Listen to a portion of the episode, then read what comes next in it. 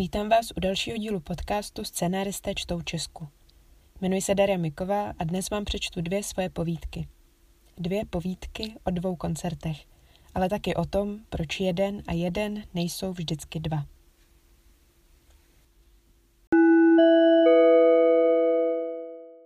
Mesiáš Bára viděla Adama poprvé na koncertě. Bára viděla Adama poprvé na koncertě. Jeden z mnoha, pražská scéna, věci, co zní hodně podobně Nelly, stejně a kluci, co před koncertem i po něm pobíhají venku na cígu od jedné partě ke druhý a všem děkujou, že přišli a jak se mají a že spěchají, že musí zvučit a pak jak jim to přišlo a že díky, díky moc, že to posrali, ale díky a že jdu na kapelního panáka a že pak třeba můžou přijít do backstage a jestli nemají zapík a díky moc a čau, tak se mějte a díky, že jste dorazili a Bára si Adama všimla nejvíc v tom meziprostoru, mezi tímhle vším, tedy v jádru, tedy při samotném koncertu, když stál za klávesama a zpíval, trochu s českou výslovností anglických hlásek a občas mu to trochu ujelo, jenže něco na těch klucích na pódiu bylo. A jí trochu štvalo, že to tak bylo, ale bylo to tak. A co s tím uděláš? Vůbec nic. To bylo pár měsíců zpátky – a teď stála v pomyslný druhý řadě na dalším z koncertů, kterých už absolvovala několik. Dopoledne toho samého dne se s ním konečně viděla poprvé pořádně. Venku foukalo a byla zabalená do šály, ale bylo to hezký. Procházka malou stranou, promrzlý prsty u nohou a hlasitý smích, kterým reagovala na jeho nekončící řetězec historek, který jakoby sypal z rukávu. Byl hodnej. A Báře to nepřipadalo jen tak. Bylo to přirozený a hezký. Odpoledne si umila vlasy a vytáhla takovou sametovou vestu prošitou třpitivou nití, kterou se bála nosit, ale věděla, že tady sem je toto pravý. Dopoledne toho samého dne se s ním konečně viděla poprvé pořádně. A ne jen tak, před a po. Pár hezkých slov a pak ostražitý pohled směrem, kudy zrovna poletoval – s podvědomou hořkostí na jazyku, jestli v tom či onom kuřáckém kroužku náhodou není nějaká další sametová vesta. Ale když za ní po tomhle koncertě přišel ven a ubalil jí cígo, byla jí nějaká jiná vesta úplně jedno. Díky, barunko, ale bylo to na hovno. Slyšela si ty před náma? Jsou hrozně sehraný, já nevím. My jsme z nich s klukama byli úplně mimo. Jsou si mnohem jistější, fungujou, nějak to vypadá. Já nevím, no. Ale jsi hodná, že jsi přišla. Nechci se jít projít kousek. Měsíc byl šestá lampa na mostě legí. Dvě nejistě se kymácející postavy, jedna zatunutá zimou, druhá ležérně si vykračující, korzovaly prostředkem silnice, po které z neznámého důvodu nejezdila auta. Hele, a nechceš k nám? Je docela zima, je to tady kousek. Tam stejně za chvilku zavírají a ten majitel byl nějaký divný. Bára se při chůzi dívala na řeku a neexistující předěl mezi ní a kamenným chodníkem v tom tmavém prostoru a usmívala se. Neměla ráda lidi, kteří se bezbolestně prodírali davem a jejichž každé vydechnutí smrdělo sebejistotou. Šlo o kompromis. Kombinaci aktivity, která směřuje ven, tedy vystupování a dávání sebe v šanc a zpětnou reflexi, která byla kritická. A tyhle pochyby o sobě nesmrděly nedostatečným mužstvím. Naopak, ta nejistota, střízlivost, ale zároveň určitý nadhled jí byl sympatický. Jenže, když vešla do toho bytu, hned věděla, že je něco špatně.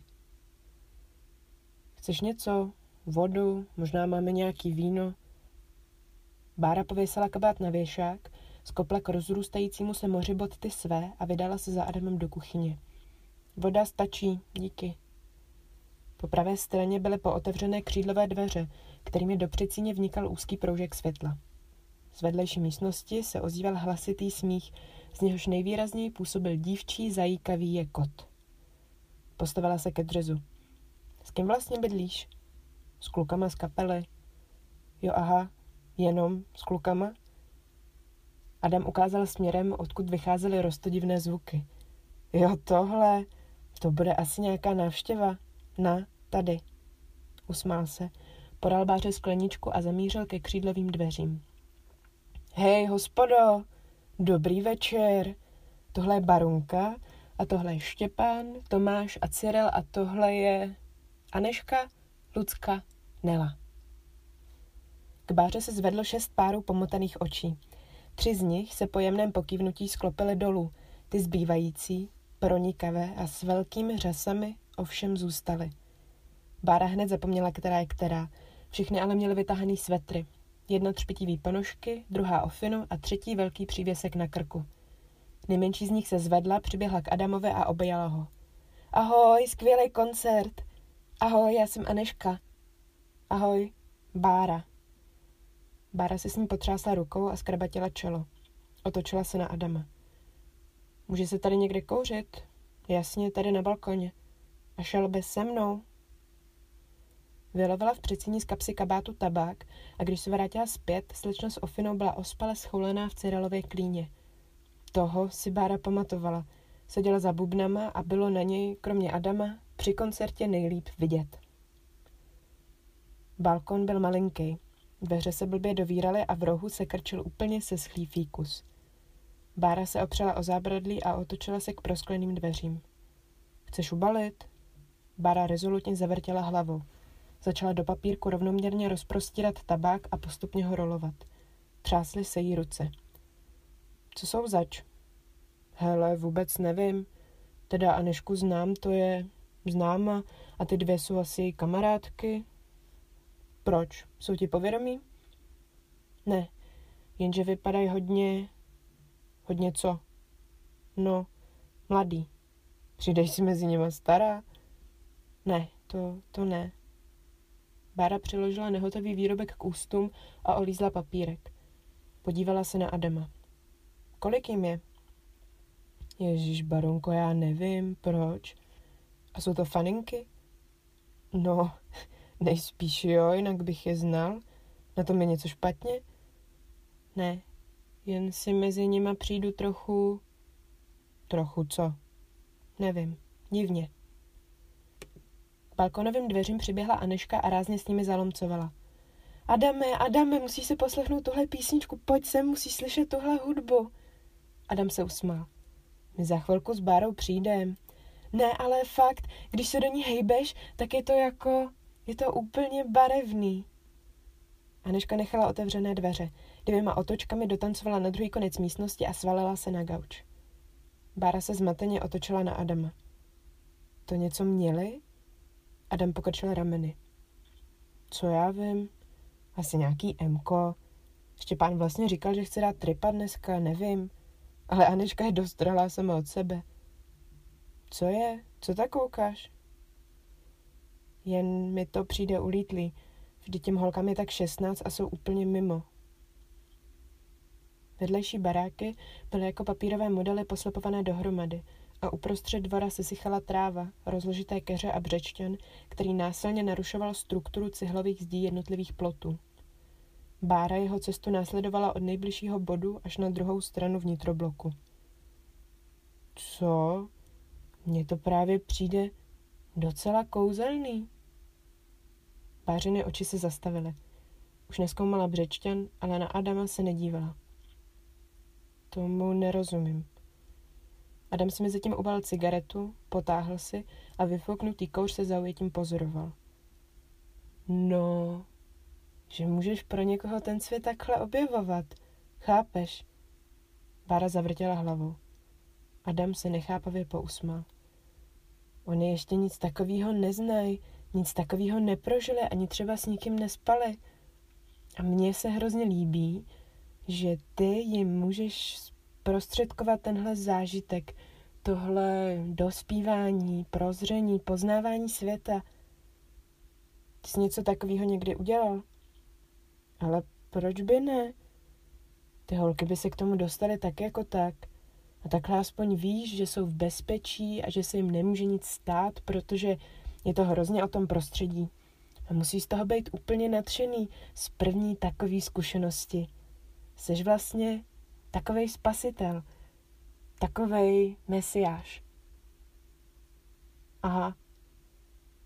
Barunka s úšklepkem zírala do vnitrobloku. Potáhla si a s výdechem vypustila to magické slovo. Mesiáš. Ale prosím tě, barunko, vždy to neber tak vážně. Vzali za ramena. Já si jen taky přijdu jak nějaká blbá naivní šestnáctka. Ale tak to není, prosím tě. Podívej se na sebe a pak na ně, když jsou úplně mimo. Pojď, vypadáš fakt utahaně. Chceš tu spát? Bára seděla na záchodě a zírala na počmarané dveře. Nebyl tu toaleťák. Z obýváku jsem pronikal Anešky excitovaný hlas. Mně přijde, že máš tady na čele takový velký kolečko a v něm jakoby oko, co se na mě dívá a pořád se hejbe. Máš jakoby tři oči a kolem takový vzory, který hrozně blikají a to oko se pořád točí dokola a dokola. Je to taková spirála. Jaký asi Adam poznal? Spláchla. Umyla si ruce. Voda byla příjemně teplá. Bára neměla nejmenší tušení, co udělá, až z toho záchoda vyjde. Voda byla příjemně teplá a Bára na tom záchodě chtěla zůstat a nemuset nikdy vyjít. Jenže něco na tom bylo. Ale co s tím uděláš? Asi vůbec nic.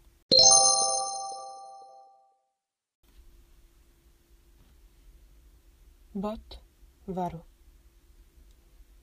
V posteli vedle sebe leželi dva, možná spíš v sobě. Odpoledne. Kluk ležel napravo, čelem ke hrubé chladivé zdi. Dívka nalevo, napojená na plochu jeho světlých zad, tvořících středobod jejího současného vesmíru, realizovaného podvíčky. Vesmír chráněný modře prohovanou peřinou, ze které směle trčela její holá ramena. Šustění peřin. Kluk se protáhl a jeho stuhlé tělo se sekanými pohyby začalo zvedat z postele. Dívku jakoby něco zatahalo za vlasy, neviditelný provázek, přivázaný od jeho ucha k jejímu. Procitla a natáhla za ním ruku. Kam jdeš? Udělám kafe. Otočil se jejím směrem. Obličeje obou připomínaly dva zmačkané a marným pokusem znovu narovnané listy papíru. Dáš si taky? Nechoď nikam, prosím, ale já mám hroznou chuť na kafe, potřebuju se probrat. Ložnice, která byla přímo naproti kuchyni, nebyla oddělená dveřmi, pouze prahem. Dívka chvíli sledovala jeho kroky a poté se opět ponořila do peřiny. Přitáhla si ji až k bradě a otočila se směrem k levé zdi. Jakoby z dálky sem pronikaly zvuky otvírání kuchyňských skříněk, napouštění vody do konvice, otvírání šuplíku, sypání kávy. Dívka zůstala nehybná, dokud se z kuchyně neozvalo postupně se zesilující pískání konvice. Posadila se, protřela si oči, peřinu si držela vysoko u hrudníku. Připomínala morovaté kotě. Natáhla se pro velké černé tričko, které na zemi zbylo z předchozí posloupnosti událostí a přetáhla si ho přes hlavu. Konvice cvakla. Postupně utichla. Dívka se zastavila v pohybu, Vlasy zůstaly zastrčené do trika. Připomínala teď někoho jiného. Někoho, koho vůbec neznala. Kluk se vracel. Hrnek držel opatrně za ucho, aby se nepopálil v druhé ruce knížku. Sedl si na okraj postele. Listoval. Zase pohled na ta lehce ťupkovaná záda. Nahnula se mu přes rameno a opřela se lokty o jeho ramena. Chceš se napít? Podalý hrnek, aniž by spustil oči z ubývajících řádků. Dívka si s ním sedla a přiložila ho k ústům. Fuj, to je hrozně horký. Spálila si jazyk. Kluk se ani nepohnul. Položila hrnek opět na zem a potopila se zpátky do peřiny.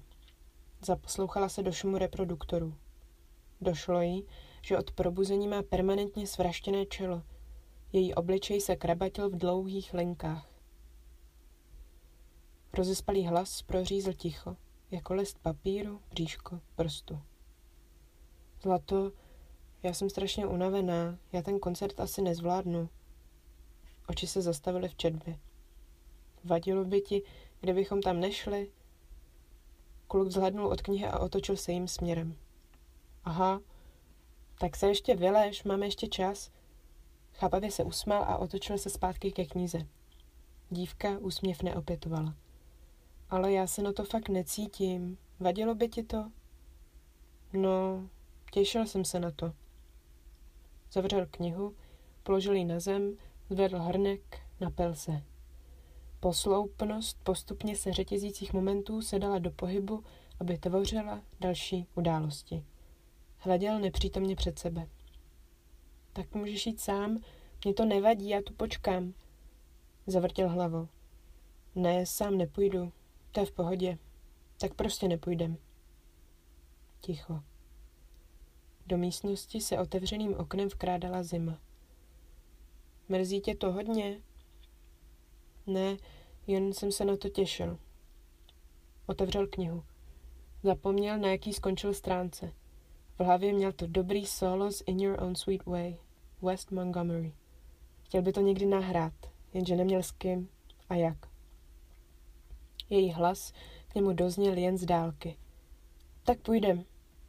Cítil postupně se měnící tlak madrace, jak dívka překonávala zdánlivě nekonečnou vzdálenost mezi dvěma konci postele.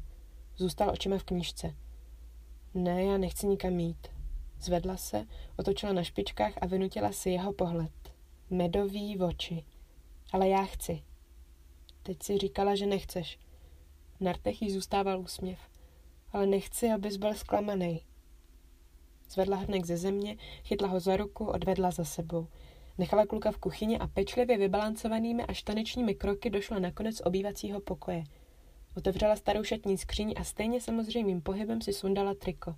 Probírala se mezi zatíženými ramínky. Na holá záda si jí otiskla mřížka z polozatažených žaluzí. Hrnek pomalu zvedlý k ústům postupně zakryl jeho úsměv. Zvenku prosakovala tma místy salámající smatně žlutým světlem pouličních lamp. Noc. Na lince zůstal hrnek s kolečkem logru po vnitřním obvodu. Na černém gauči ležely dva polštáře se vzorovanými orientálními potahy a protáhlá hnědá lampa připomínající svou siluetou stylizovaný portrét pařížanky z přelomu 19. a 20. století. Naproti gauči odpočíval na malé skřínce gramofon, pod ním v poličce chráněné posuvnými skleněnými dvířky dvě řady desek. Z levé strany Sarah Vaughan, z pravé Cannonball Adderley. Těžká šatní skříň zůstala pootevřená. Nedala se dovírat. Z chodby se ozvalo postupně se zesilující klapání podpadků, tlumený dialog, pak cvaknutí klíčů v zámku. Přes podlahu celého bytu se napnul úzký proužek světla. Já jsem to vůbec nechápal. To bylo tak dobrý. Promiň, já vím, že už jsem to říkal, ale to solo... Dívka se zasmála.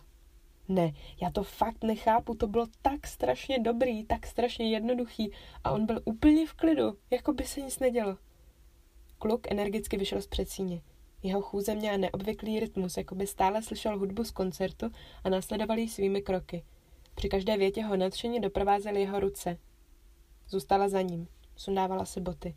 Zvedla levou, chvíli neobratně balancovala na pravé a poté to celé zopakovala. Pousmál se a otočil se jejím směrem. Uf, dáš si čaj? Roh místnosti zatopilo teplé, tlumené světlo. Do zbytku pokoje se usadilo šero. Kluk seděl na gauči mezi polštáři, dívka v tureckém sedu na perském koberci na zemi. Na půl cesty mezi nimi seděla čajová konvička. Dva šálky, v její levé, v jeho pravé ruce. Usmála se do rozčiřeného kruhu, kruhu spočívajícího v jejich dlaních. Já jsem s tím vždycky měla problém. Vždy to víš. Někdy to vydržet je hrozně těžký, když člověk neví, jak to funguje. Na poslouchání je to hrozně těžký. Pro mě. Další medový pohled. Dostávala jsem se k tomu hrozně dlouho, bavil mě jen zpívaný, protože tam jsem si byla jistá tou melodií, měla jsem se čeho chytnout. Odmlčela se uprostřed věty. Nespouštěla z něj oči. Srdečně přikývl. Napil se. Ty jo, dělal jsem ho fakt dobře. Zkusila jsi ho už? Zavrtěla hlavou. Zkus ho. Ne, počkej, on je vlastně moc horký, že jo? Vřelý smích se odrazil od protější stěny a usadil se u stropu. Dívka se nuceně pousmála a sklopila oči. No, jako je, no. Hlasí na patře zhořkl. Nevšiml si změny v jejím tónu a znovu pokynul k šálku. Není, zkus ho. Sklopené oči prudce ocekly. Nechci, je horkej. Delší ticho. Dívka vzhledla k lampě. Na protější zeď vrhala působivý stín. Stačilo chvíli koukat na žárovku a v zorném poli se objevilo nespočet barevných pulzujících teček. Se stejnou intenzitou jí teď pulzovaly spánky. Ty se zlobíš? Klukově tváři zůstával náznak úsměvu. Dívka odvrátila pohled od lampy a věnovala ho svým dlaním. Jen to nechápu. Co?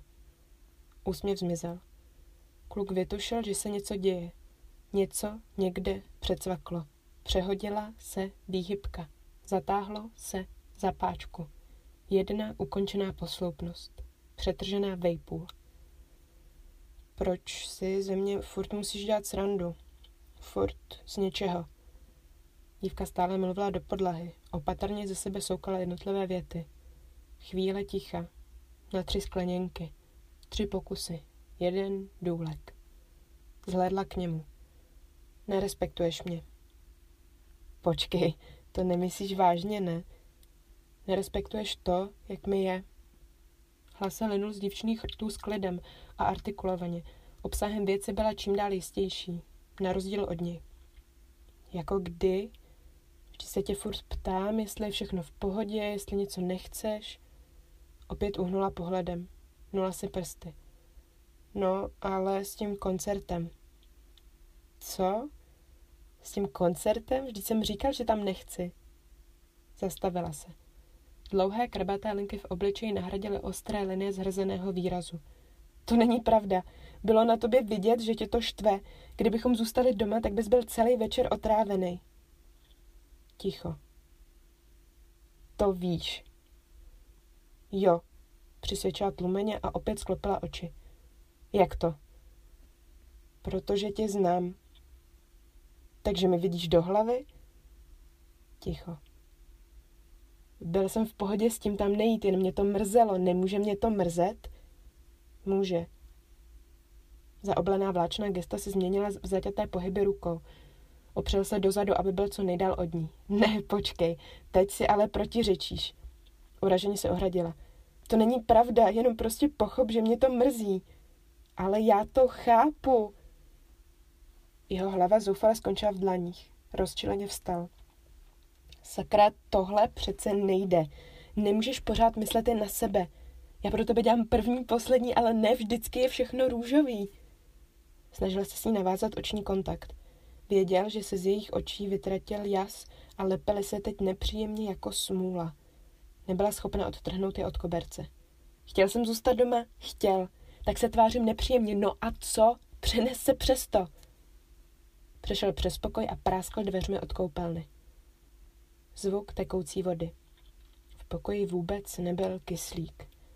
Vzduch housnul stejně rychle, jako se prohluboval kontrast světla a stínu. Prostor v dosahu lampy a mimo něj. Víčka zapálený od sluníčka. Vstala. Zatmělo se jí před očima. Oslepená přišla pevně na obou nohách do ložnice. Šustění, peřin. Po chvíli se s ní vrátila. Hodila ji na gauč, zvlékla se. Jeden polštář hodila na zem. Lehla si, čelem do opěrky. Zůstala nehybná. Zvuk tekoucí vody ustal. Vyšel těžkopádnými kroky ven a chystal se do ložnice. Všiml si Počkej, nemůžeš spát na gauči, já se tam lehnu. Trochu jako dva, co u sebe náhodou spí, protože hol se ujel poslední vlak. Naučená zdvořilost, vycizelovaná odcizenost, vynucená upřímnost. Nebyla vidět. Peřinu měla přitáhnutou až ke krku. Čouhal jen pramen světlých vlasů. S třesoucím hlasem rozhodně ocekla. Nech mě bejt. Její tón byl měkký, matný, rozostřený. Tak, jak měkce může působit, když má člověk v krku kaluš spolknutých slz. Zůstal na ní prázdně koukat. Tma se zažrala do všech koutů pokoje. Pozdní večer, brzké ráno, kdo posoudí? Za oknem se objevily dva kužely světla. Poslední turista noci. Na protější stěně se pod ozářením tohoto auta vykreslil protáhlý stín. Přešel přes obývací pokoj. šustění peřin. Tomu rozčeřil nakřáplý, rozespalý hlas. Už to není tak horký? Promiň, zašeptala. Přitiskla se k němu. Dál spal. Nechala otevřené oči. Představovala si, jak na přistávací dráze jeho zad dosedá letadlo. Veze další den. Na zemi stále ležel jeden prázdný a jeden plný šálek čaje.